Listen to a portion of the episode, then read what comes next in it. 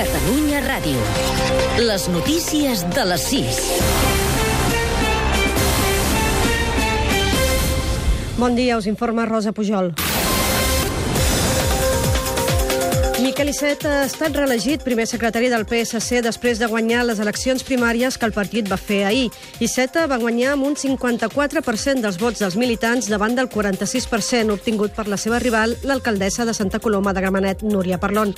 Els dos candidats van fer una crida a superar les divisions del partit. Iceta també va parlar de treballar plegats sense ferides. Avui els socialistes han votat. És l'única divisió que podreu fer, la del moment del vot al comptar els resultats, perquè ni un minut abans de la votació ni un minut després de la votació hi haurà en el nostre partit cap ferida. No hi haurà ni perlonistes ni icetistes, el que hi haurà és socialistes. Després d'haver estat elegit per les bases, Iceta va demanar al PSOE que escolti els militants davant de la possible investidura de Mariano Rajoy.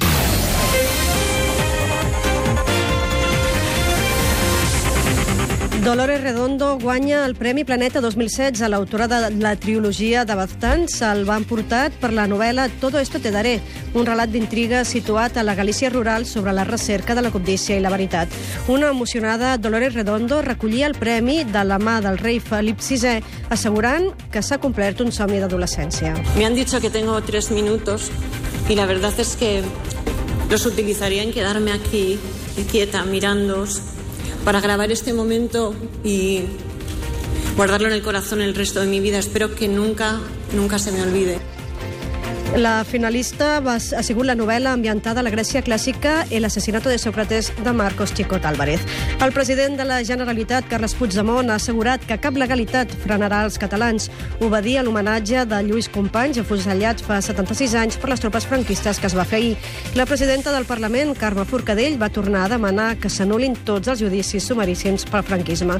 I la comèdia nord-americana Swiss Man va guanyar el premi a la millor pel·lícula del Festival de Cinema de Sitges. A més del guardó al millor actor per a Daniel Radcliffe, conegut per haver encarnat Harry Potter al cinema.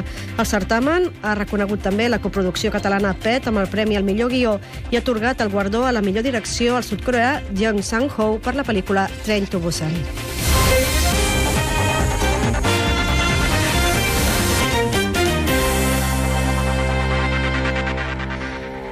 Els embassaments catalans no han tret profit dels aiguats aquesta setmana. Venint d'un llarg període sense pluges i amb molta sequera, no han aconseguit recuperar de manera considerable les reserves. De mitjana, continuen al 50% de la seva capacitat, molt per sota que fa un any.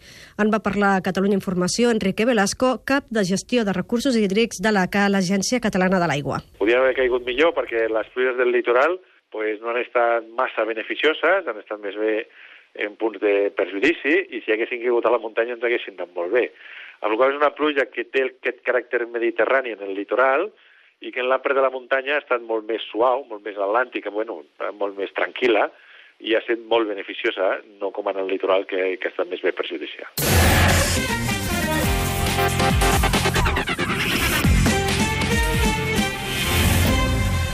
Als esports, coneguem l'última hora del Gran Premi del Japó de motociclisme amb l'enviat especial de Catalunya Ràdio, Llamà Aguilar. Bon dia. Bon dia, just en el moment que Tom Luthi guanya la cursa de Moto2 seguit per Joan Zarco, el campió i líder, que serà més líder perquè Àlex Rins ha tingut una caiguda a la primera volta, acabarà la cursa però fora dels punts i la diferència entre tots dos a la general del Mundial de Moto2 creix fins als 21 punts a favor del francès quan quedaran 75 punts en joc a partir del dia d'avui. Mala sort per Àlex Rins eh, per aquesta lesió també que arrossegava a l'espatlla esquerra. Luti Zarco Morbidelli acaba sent el podi d'aquesta cursa, el millor català, 11è Xavi Vierge. Us recordo que en Moto3 ha guanyat Bastianini i som a menys de mitja hora per posar-nos en directe en aquesta sintonia amb la prèvia de la categoria reina a l'univers MotoGP amb un Marc Márquez que sortirà a la primera fila entre els dos Movistar Yamaha, Valentino i Lorenzo per jugar-se el títol mundial. Avui primer matchball, Marc Márquez que sembla disposat a guanyar la cursa. Veurem què passa després amb els seus rivals. Damià Aguilar, Catalunya Ràdio, Circuit de Motegi. I també us direm amb els esports encara que el Barça va golejar el Depor al Camp Nou per 4-0 amb dos gols de Rafinha, un de Suárez i un altre de Messi. Els Blaugrana són ara quarts amb 16 punts. Fins aquí les notícies.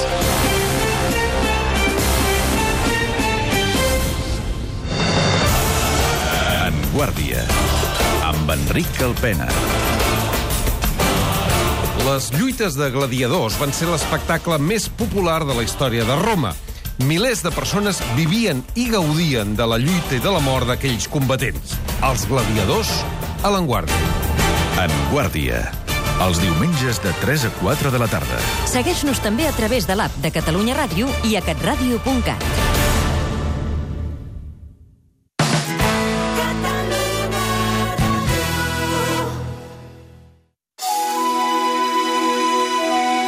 Paraules de vida. Un espai obert per parlar de l'actualitat a l'Església.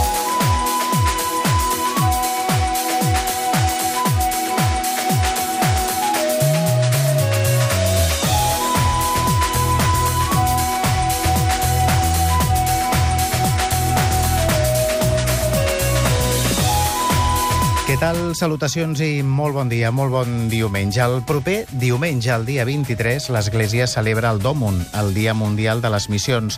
Aquest any, aquest 2016, és una diada especial i és que es compleixen 90 anys d'aquesta celebració.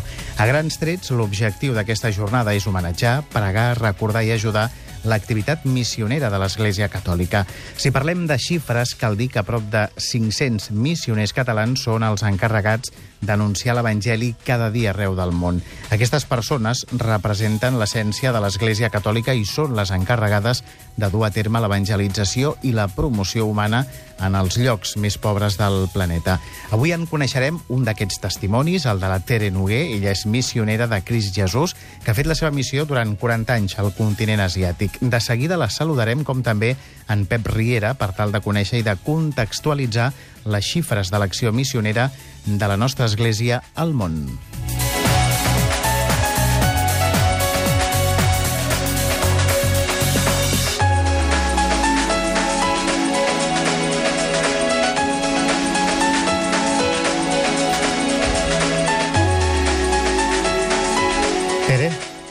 Benvinguda al Paraules de Vida. Bon dia, què tal? I Pep, bon dia també, benvingut. Bon dia. Parlem primer de tot amb la Tere de- d'aquests 40 anys al servei de l'Església, de les missions arreu del món. Es diu molt ràpid, però déu nhi no? Sí, déu-n'hi-do. Jo d'aquests 40 anys doncs, n'hi he estat 17 a la Índia, amb zones rurals, amb projectes de sanitat, amb molt pocs medis, medis molt precaris, perquè a la zona no hi havia ni llum ni aigua, i després els últims eh, 23 anys he estat a Filipines, bàsicament treballant en presons. Aquest, diguéssim, que és el període més interessant també, no? I més proper, no? Sí, més que és el més immediat, perquè lo de la Índia queda una mica lluny, encara que vaig tenir experiències molt bones i que em van, em van enriquir molt, en tots sentits, vaig conèixer tot el món de les tribus que no es coneix, perquè aquí només coneixem la Índia del hinduisme i dels temples, però jo vaig conèixer el món de les tribus que són els, els, els habitants, els antics habitants, abans que hi hagués la invasió dels aris, són els antics habitants que estan arraconats. Una mica la realitat, perquè ho entenguem com passa doncs, a Sud-amèrica, que els aborígens estan, els indígenes estan arraconats, doncs a la Índia passa el mateix. Doncs han tingut de fugir cap a les muntanyes perquè els altres han anat inveint els petits comerços i els han anat inveint els camps de cultiu i ells estan refugiats en muntanyes i boscos. I aquesta és la gent que més ajuda necessita mm. perquè, bueno, això és a la Índia. Diguéssim que també a la Índia, per tant, des d'aquí coneixem a vegades eh, una situació que no és la real, no? com pot passar amb el continent eh, d'Àfrica, no? Sí, exacte. Que passa- És que la Índia és molt complexa, molt gran, hi ha moltes realitats que, bueno, quan la gent hi va de turisme no pot veure tot, no? La gent que ens ha vingut a visitar sempre ha dit, bueno, nosaltres hem vist coses gràcies a vosaltres, perquè, clar, la gent que ens ve a visitar, amics o família, venen als llocs nostres de missió. Uh -huh. Doncs parlem de l'experiència més recent. Una realitat molt dura, no? Presons. Uh, sí, he estat treballant en presons a Manila, i bueno, Manila pot ser una ciutat com qualsevol altra, però té un nivell de pol·lució molt alt. Hi ha un gran, una gran extensió de xaboles, de gent que viu en una infraestructura molt precària, i bueno, doncs això porta molt drogues, prostitució, robos... I bueno, hi ha molta gent a la presó doncs que sí que la millor que han fet alguna cosa, però molta gent està allà que estan allà i que són innocents. I encara que no, si- no siguin innocents hi ha molta gent que són molt pobres, llavors el trauma que suposa per una família que el pare estigui a la presó, es queda la mare amb sis o set fills en sense que hi hagi el pare, que és el que guanyava la vida. I llavors, esclar, es fan, llavors no poden anar a veure el pare o el germà o el fill perquè no tenen cèntims i després això, pel que passa sempre, en els pobres sempre queden abandonats, encara que els abogats d'ofici fan el que poden, però sempre l'administració, els papers dels pobres sempre queden com abandonats, són els que queden a sota de tot. I la nostra missió allà era acompanyament personal, perquè la persona, la dimensió de la persona és molt important, no és només la gestió. I després, doncs això, assessorament legal, veure si tenien alguna necessitat eh, mèdica o algun altre tipus de contacte amb les famílies, que a vegades resultava, a vegades hi ha famílies que no volien saber res. Se'n desentenien de... Sí, sí, sobretot famílies que igual algun noi jove que s'havia dedicat a la droga o a robar i les, els pares l'havien, doncs ja... Clar, i a ningú li agrada tenir família a la presó. Això, a veure, de, desenganyem-nos, a ningú li agrada. Ara, hi ha gent que a pesar de que no els agradi, doncs van, visiten... Però clar, és molt complicat anar-los a veure. Primer perquè igual viure a l'altra punta de la ciutat i no tenen diners per anar-hi. No tenen diners. No es poden desplaçar. A veure, i no, es- al, al Filipines pues no, no els hi cap al cap doncs, d'anar a visitar sense portar res. Si van a visitar han de portar menjar, els hi han de portar sabó, algo perquè a la presó no, no hi ha res, més que l'espai, que a la millor en un espai de 40 metres quadrats igual hi ha 100 persones. I, bueno, clar, amb la ràdio no podem veure, les, no podem veure fotos, però és molt És una- impressionant ah. veure com l'espai està ocupat. Llavors, això és l'espai, després dins de les cel·les doncs, hi ha màfies. Mm? A veure, les presons jo penso que hi ha una realitat que és molt comú a totes les presons, com és la soledat, el sentiment de frustració, el no tenir visites, sobretot la gent, doncs, per exemple, aquí a Barcelona, doncs, els que són de fora de Barcelona, d'altres països, la família és lluny. Però, a veure, aquí, el, el, en el fons, tenen alguna que menjar. Hi ha una altra, una altra infraestructura. Clar, diguéssim En que és un canvi- altre sistema, o una altra, Sí. bueno, una altra infraestructura. una no? altra Com dius. infraestructura. A Filipines un entra a la presó i està de la mà de Déu. Vull dir, no... El menjar doncs, els dona- és un menjar molt pobre, de, de, molt baix en nutrició, vols un mica d'arròs, i una vegada passava en una bandeja que potser hi havia 30 o 40 mandonguilles i a dins hi havia 700 homes. I dic, escolta, i això? Diu, bueno, ens ho repartirem. Pues això, venia de la cuina pues, 30 o 40 mandonguilles per 700 persones. Hem de dir que tu has tingut accés, no?, a la, a la presó. De, de... Sí, jo he tingut accés, a, sobretot a les cel·les de les dones, això sí, sentar-me, jo he entrat per tots els racons. La cel·la d'homes eh, hi va haver una temporada que sí, però després hi va haver un canvi de funcionari, no, el cap de funcionaris, i llavors va decidir que ni les visites ni nosaltres, les missioneres, érem dues missioneres que treballàvem allà, i va decidir doncs, que no hi entréssim per seguretat. I jo li vaig dir, bueno, escolti, jo amb 10 anys que fa que vinc aquí, ningú m'ha posat el dit a sobre. Però va dir, mira, jo amb, una mica es volia colar, curar amb salut i va dir doncs que no. Però sí, llavors bueno, va fer, no, no, ell va fer un arreglo perquè jo pogués entrevistar la gent, els, vull dir, va dir, tu, quan vulguis, eh, crides amunt i el farem sortir, però vull dir que jo havia entrat a dintre, la, i per això sé la situació. Mm -hmm. I de la, de la part més espiritual, Tere, què és el que aquella gent et diu? O A què és veure- el que passa pel cap d'aquelles persones? Mira, els filipinos eh, viuen una mica la fe com aquí es vivia als anys 50, als anys 60, abans del concili. Llavors, tots diuen, no, Déu sap que jo no he fet res. Déu sap que jo no he fet res. I Déu sap tot, i Déu sap tot, no? I, i llavors això, clar, eh, és a vegades, sí, Déu sap tot, és una però sí, confiança que amb ells els reconforta? Ah, exacte, exacte, que els reconforta, no? I llavors el que has de fer és també fer-los veure, també a base d'aquest Déu, que és el que ens ha enviat a nosaltres, no? Doncs eh, fer-los veure que, bueno, a veure, tu tens 50% de possibilitats de sortir i 50% de possibilitats de no sortir, perquè és clar, segons el cas, no? Segons el cas, i clar, a ningú li pots donar la confiança de que sortirà fins que no es resolgui el, el cas. I llavors, pues sí, ajudar els amics, com que la majoria dels filipinos són catòlics. A Filipines hi ha un 85% de catòlics, al contrari que a la Índia, que només és un 1,% de catòlics. Mm? Doncs, clar, llavors doncs hi ha misses i resen el rosari, vull dir, fan... Ells tenen no, la seva... I la tradició esclar, més, Amb una clar. fe que jo no he vist enlloc, perquè, és clar és, un, és l'ú- l'únic recurs que els hi queda. Jo recordo un funcionari que era l'encarregat de les coses religioses i deia, és que si els hi traiem la, la pràctica religiosa, els deixem en, sense, un, sense un apoyo, no? sense una arma de, que ells es puguin apoyar i ho necessiten. I llavors sempre procuràvem que tinguessin els serveis. No, jo no era l'encarregada d'això, això eren les parròquies de l'arxiprestat que estava en aquella zona. Jo feia l'altra assistència, però estàvem en contacte amb les parròquies i amb els rectors, i vull dir, sí, sí, això sí. Ara estàs aquí, tornes cap allà, o quina és no, la jo teva ara ja situació estic aquí. Estic de moment un any sabàtic i després ja ho veurem. Ah. Tinc un any sabàtic. Però tens ganes de tornar o has replantejar? Ho enyoro moltíssim. Sí? Ho enyoro moltíssim perquè és que, clar, tot el dia estaves dedicada amb això, les entrevistes amb ells, al parlar. Al final acabaves que te'ls estimaves a les persones. Clar. I després corre cap als jutjats. Als jutjats jo tenia accés a tots els jutges, a tots els abogats, als fiscals, a tota l'administració. Clar, quan una cosa no funcionava, de seguida, ai, què vols, què vols? I vull dir, les coses funcionaven perquè jo estava allà. Mm?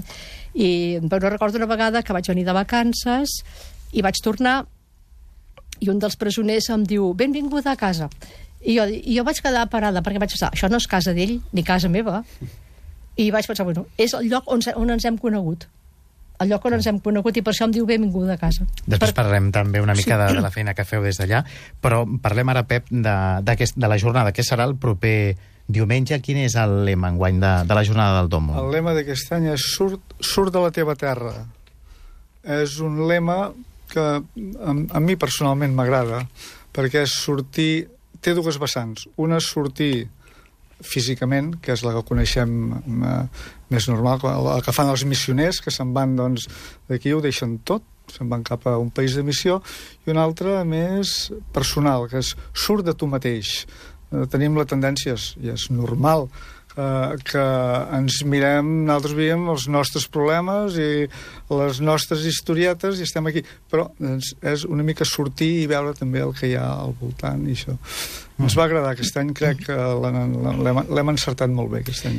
I una jornada molt necessària, no? Recordar que hi ha molts missioners al món i que sí. se'ls ha de donar suport, han de tenir ajuda, no? Sí, de missioners, eh, en aquest cas de catalans, com ja has dit tu, n'hi han sobre uns 500, Uh, de fet, i obres missionals pontifícies no els ajuda, abans ho parlàvem amb la Tere, no els ajuda directament amb ells, però sí que si els hi fa falta els missioners i també a les esglésies, perquè un altre, un altre tema són les esglésies de eh, joves, les, les que han nascut, que en la major part no tenen prou recursos, no tenen recursos. Llavors, l'objectiu és ajudar a que puguin anar tirant endavant. Això és bàsic. Uh mhm. -huh. Però també els missioners, doncs, a través, com li deia, a través de la, dels, de la diòcesi, del bisbe, poden demanar-nos ajudes i, eh, clar, hi ha, hi ha molta demanda i poca oferta. Els diners ens van... no són tots els que voldríem, però Yeah. I la importància de conèixer els testimonis, no? com el que avui estem coneguent de la Tere, no? Sí. Home, de la feina que estan fent. La, pensa, la feina en una delegació és maca, però també és molt burocràtica. Jo em passo moltes hores més o menys sol. Fent, és més, és més de, diguéssim, d'oficina, no? I fent, de... Exacte. Números i preparant campanyes, etc etc. Llavors, el més gratificant és quan et ve un missioner o missionera que algú si em veu de fora diu, oh, escolta'm, tu no treballes. Sí, clar, ara estic treballant, escoltant-los amb ells, atenent-los, i, i és, és, és, és, és el que t'aporta més. Uh -huh. Això jo em puc donar testimoni, perquè sempre que vaig allà el Pep sempre em pregunta, sempre em pregunta que li, que li expliqui coses, no? Ah. Uh -huh. Parlem de... S'han fet... Eh, aquest any s'ha viscut d'una manera molt activa aquí a, a Catalunya. Sí. La celebració, diguéssim, la, la part més prèvia, no? Perquè s'han fet diferents mm. activitats. Hi ha hagut una exposició a Tarragona, no? Sí. I també ahir mateix a la tarda també es feia un, el pregó, no? El pregó del Damunt, sí. Uh -huh. uh, ja des de fa uh, uns 3 o 4 anys fem el que en diem el, el Damunt al descobert. Què vol dir? És uh, donar a conèixer, fer, donar molta difusió a lo que és el Dòmun i això. Aleshores, eh, s'ha fet a Madrid, a Sevilla, i aquest any ho han fet entre Tarragona i Barcelona. Tarragona ha fet tota la, tota la part d'exposicions de, i diferents conferències, ha estat uns 10 dies han estat. Una exposició per mostrar precisament què és el Dòmun. Sí.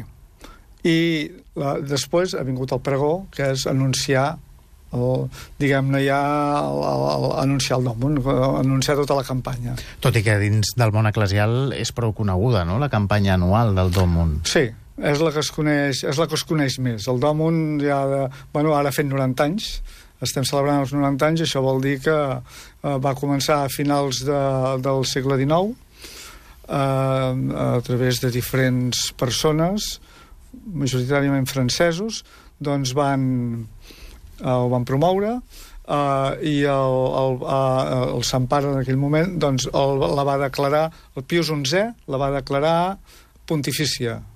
Aquesta i les altres també, perquè són tres, tres, tres campanyes que nosaltres fem. Fem el Dòmon, la infància missionera, que abans es deia Santa Infància, també molt coneguda, i la menys coneguda és la de vocacions natives, però important, perquè a molts països de, de, de missió, principalment a l'Àfrica, hi ha diòcesis que tenen moltes uh, moltes vocacions i els, els bisbes, jo n'he conegut algun que diu no els, no, no, és que no els hi puc donar estudis, no, no, no tenim diners uh -huh. i això és, és important Missioners que tenim repartit per tots els continents per Àfrica, per Àsia, no? Amèrica Llatina sí fent aquesta uh, feina. Els tenim, sí, sí, ells estan... Uh, hi ha missioners, hi ha uh, des de sacerdots diocesans, hi ha religiosos de, i religioses de diferents congregacions, institucions religioses, i, uh, i laics. També tenim... De fet, un, és molt important també, no?, la bona... tasca que fan els laics. Sí, és, és bàsica i, i molts hi estan amb totes les famílies i,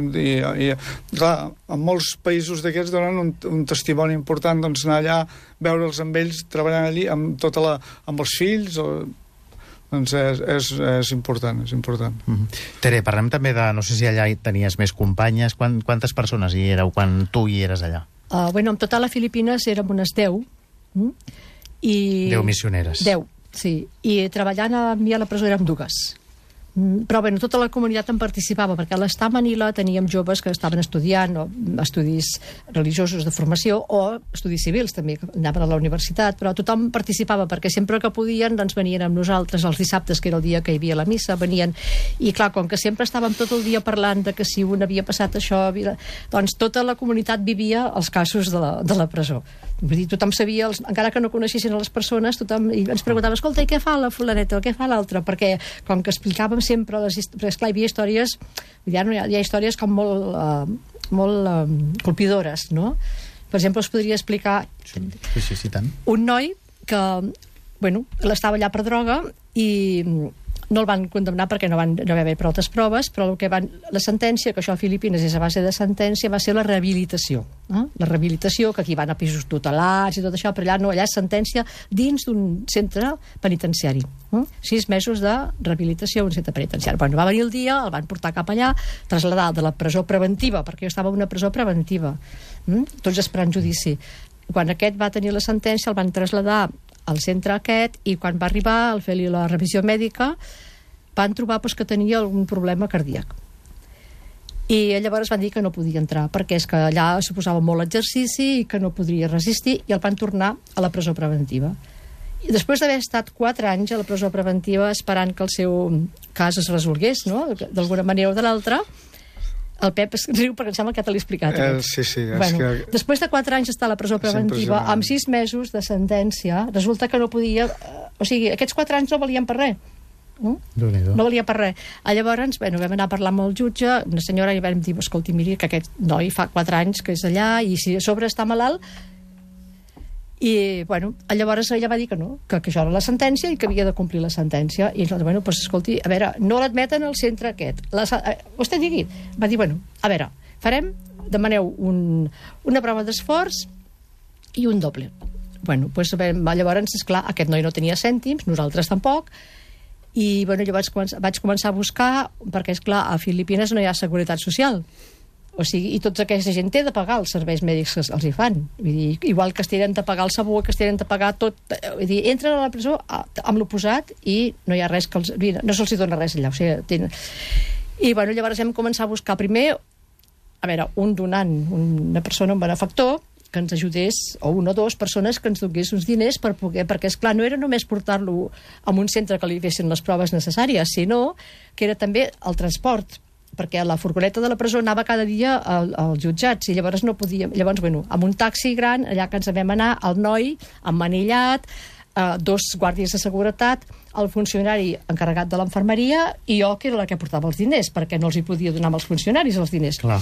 Bueno, allà ens en vam anar, ens en vam anar cap al lloc, bé, li van fer les proves, i quan vam arribar, el primer, era una doctora, el primer que em diu, diu, ai, diu que és perillós. I jo dic, perillós, però que no ho veu vostè, que jo vaig al seu costat, com si res Ai, és que no... Dic, no, no. Bueno, van fer les proves i llavors el més um, divertit, el Pepe riu, és que després, és clar, amb aquests guàrdies se'ls ha de fer un favor, perquè a Filipines és favor com favor se paga, com si diguéssim, bueno, doncs llavors, és clar, al sortir, els vaig tinguer de portar a berenar els tres guàrdies... Per pagar el favor de... Els tres guàrdies, el noi emmanillat, ens vam anar a berenar. Esclar, el noi li van treure... I llavors hi vaig dir, noi, el noi es deia Bobby, dic, Bobby, aprofita't, que avui, avui pago. I llavors vaig portar. I després vam agafar un altre taxi i vam tornar cap a la presó els resultats van dir que podia fer les proves, se'n va anar a fer els sis mesos famosos de la sentència, i després va sortir. Clar, quan va sortir va venir de seguida a veure'm, perquè sabia els dies que jo anava a la presó, a, dic, ben, més content que unes Pasques, ah. podeu imaginar. Però clar, aquests quatre anys que va estar perdent el temps de la seva vida, que era una jove, a la presó, no van, no van valdre I, pels I sis sort mesos. que hi eres tu allà, que els vau ajudar a altres, que si no, Que si no igual, seria- Ah, bueno, igual perquè allí, jo vaig buscar- pogut estar tota la vida. Jo vaig buscar És un que- centre mèdic on es poguessin fer aquestes proves, que fos la relació eh, qualitat-preu fos bona, perquè, és clar, no aniràs en qualsevol puesto. No? I aquesta és una història que mm, té un Aquesta és final... un- Sí, i- però n'hi ha d'altres que segurament serien Ui, moltes, ui. molt més Bueno, complicades. bueno, bueno. Tot i que ara ja no tenim més temps. Ja hem Sí, n'hi ha el- moltes històries. El moltes històries amb finals tràgics. Sí, Doncs gràcies i, i bona dia de la setmana que ve del Domon. Gràcies. Igualment a vosaltres. Gràcies a vosaltres.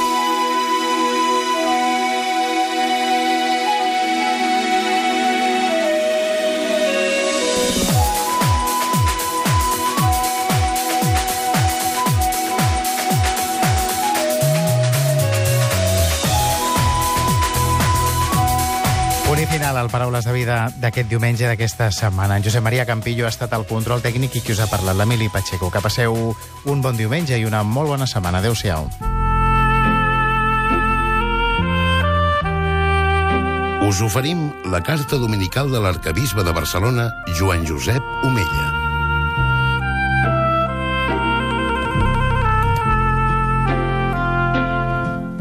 Déu vos guard. El proper diumenge celebrarem el Diumenge Mundial de les Missions, el Domund.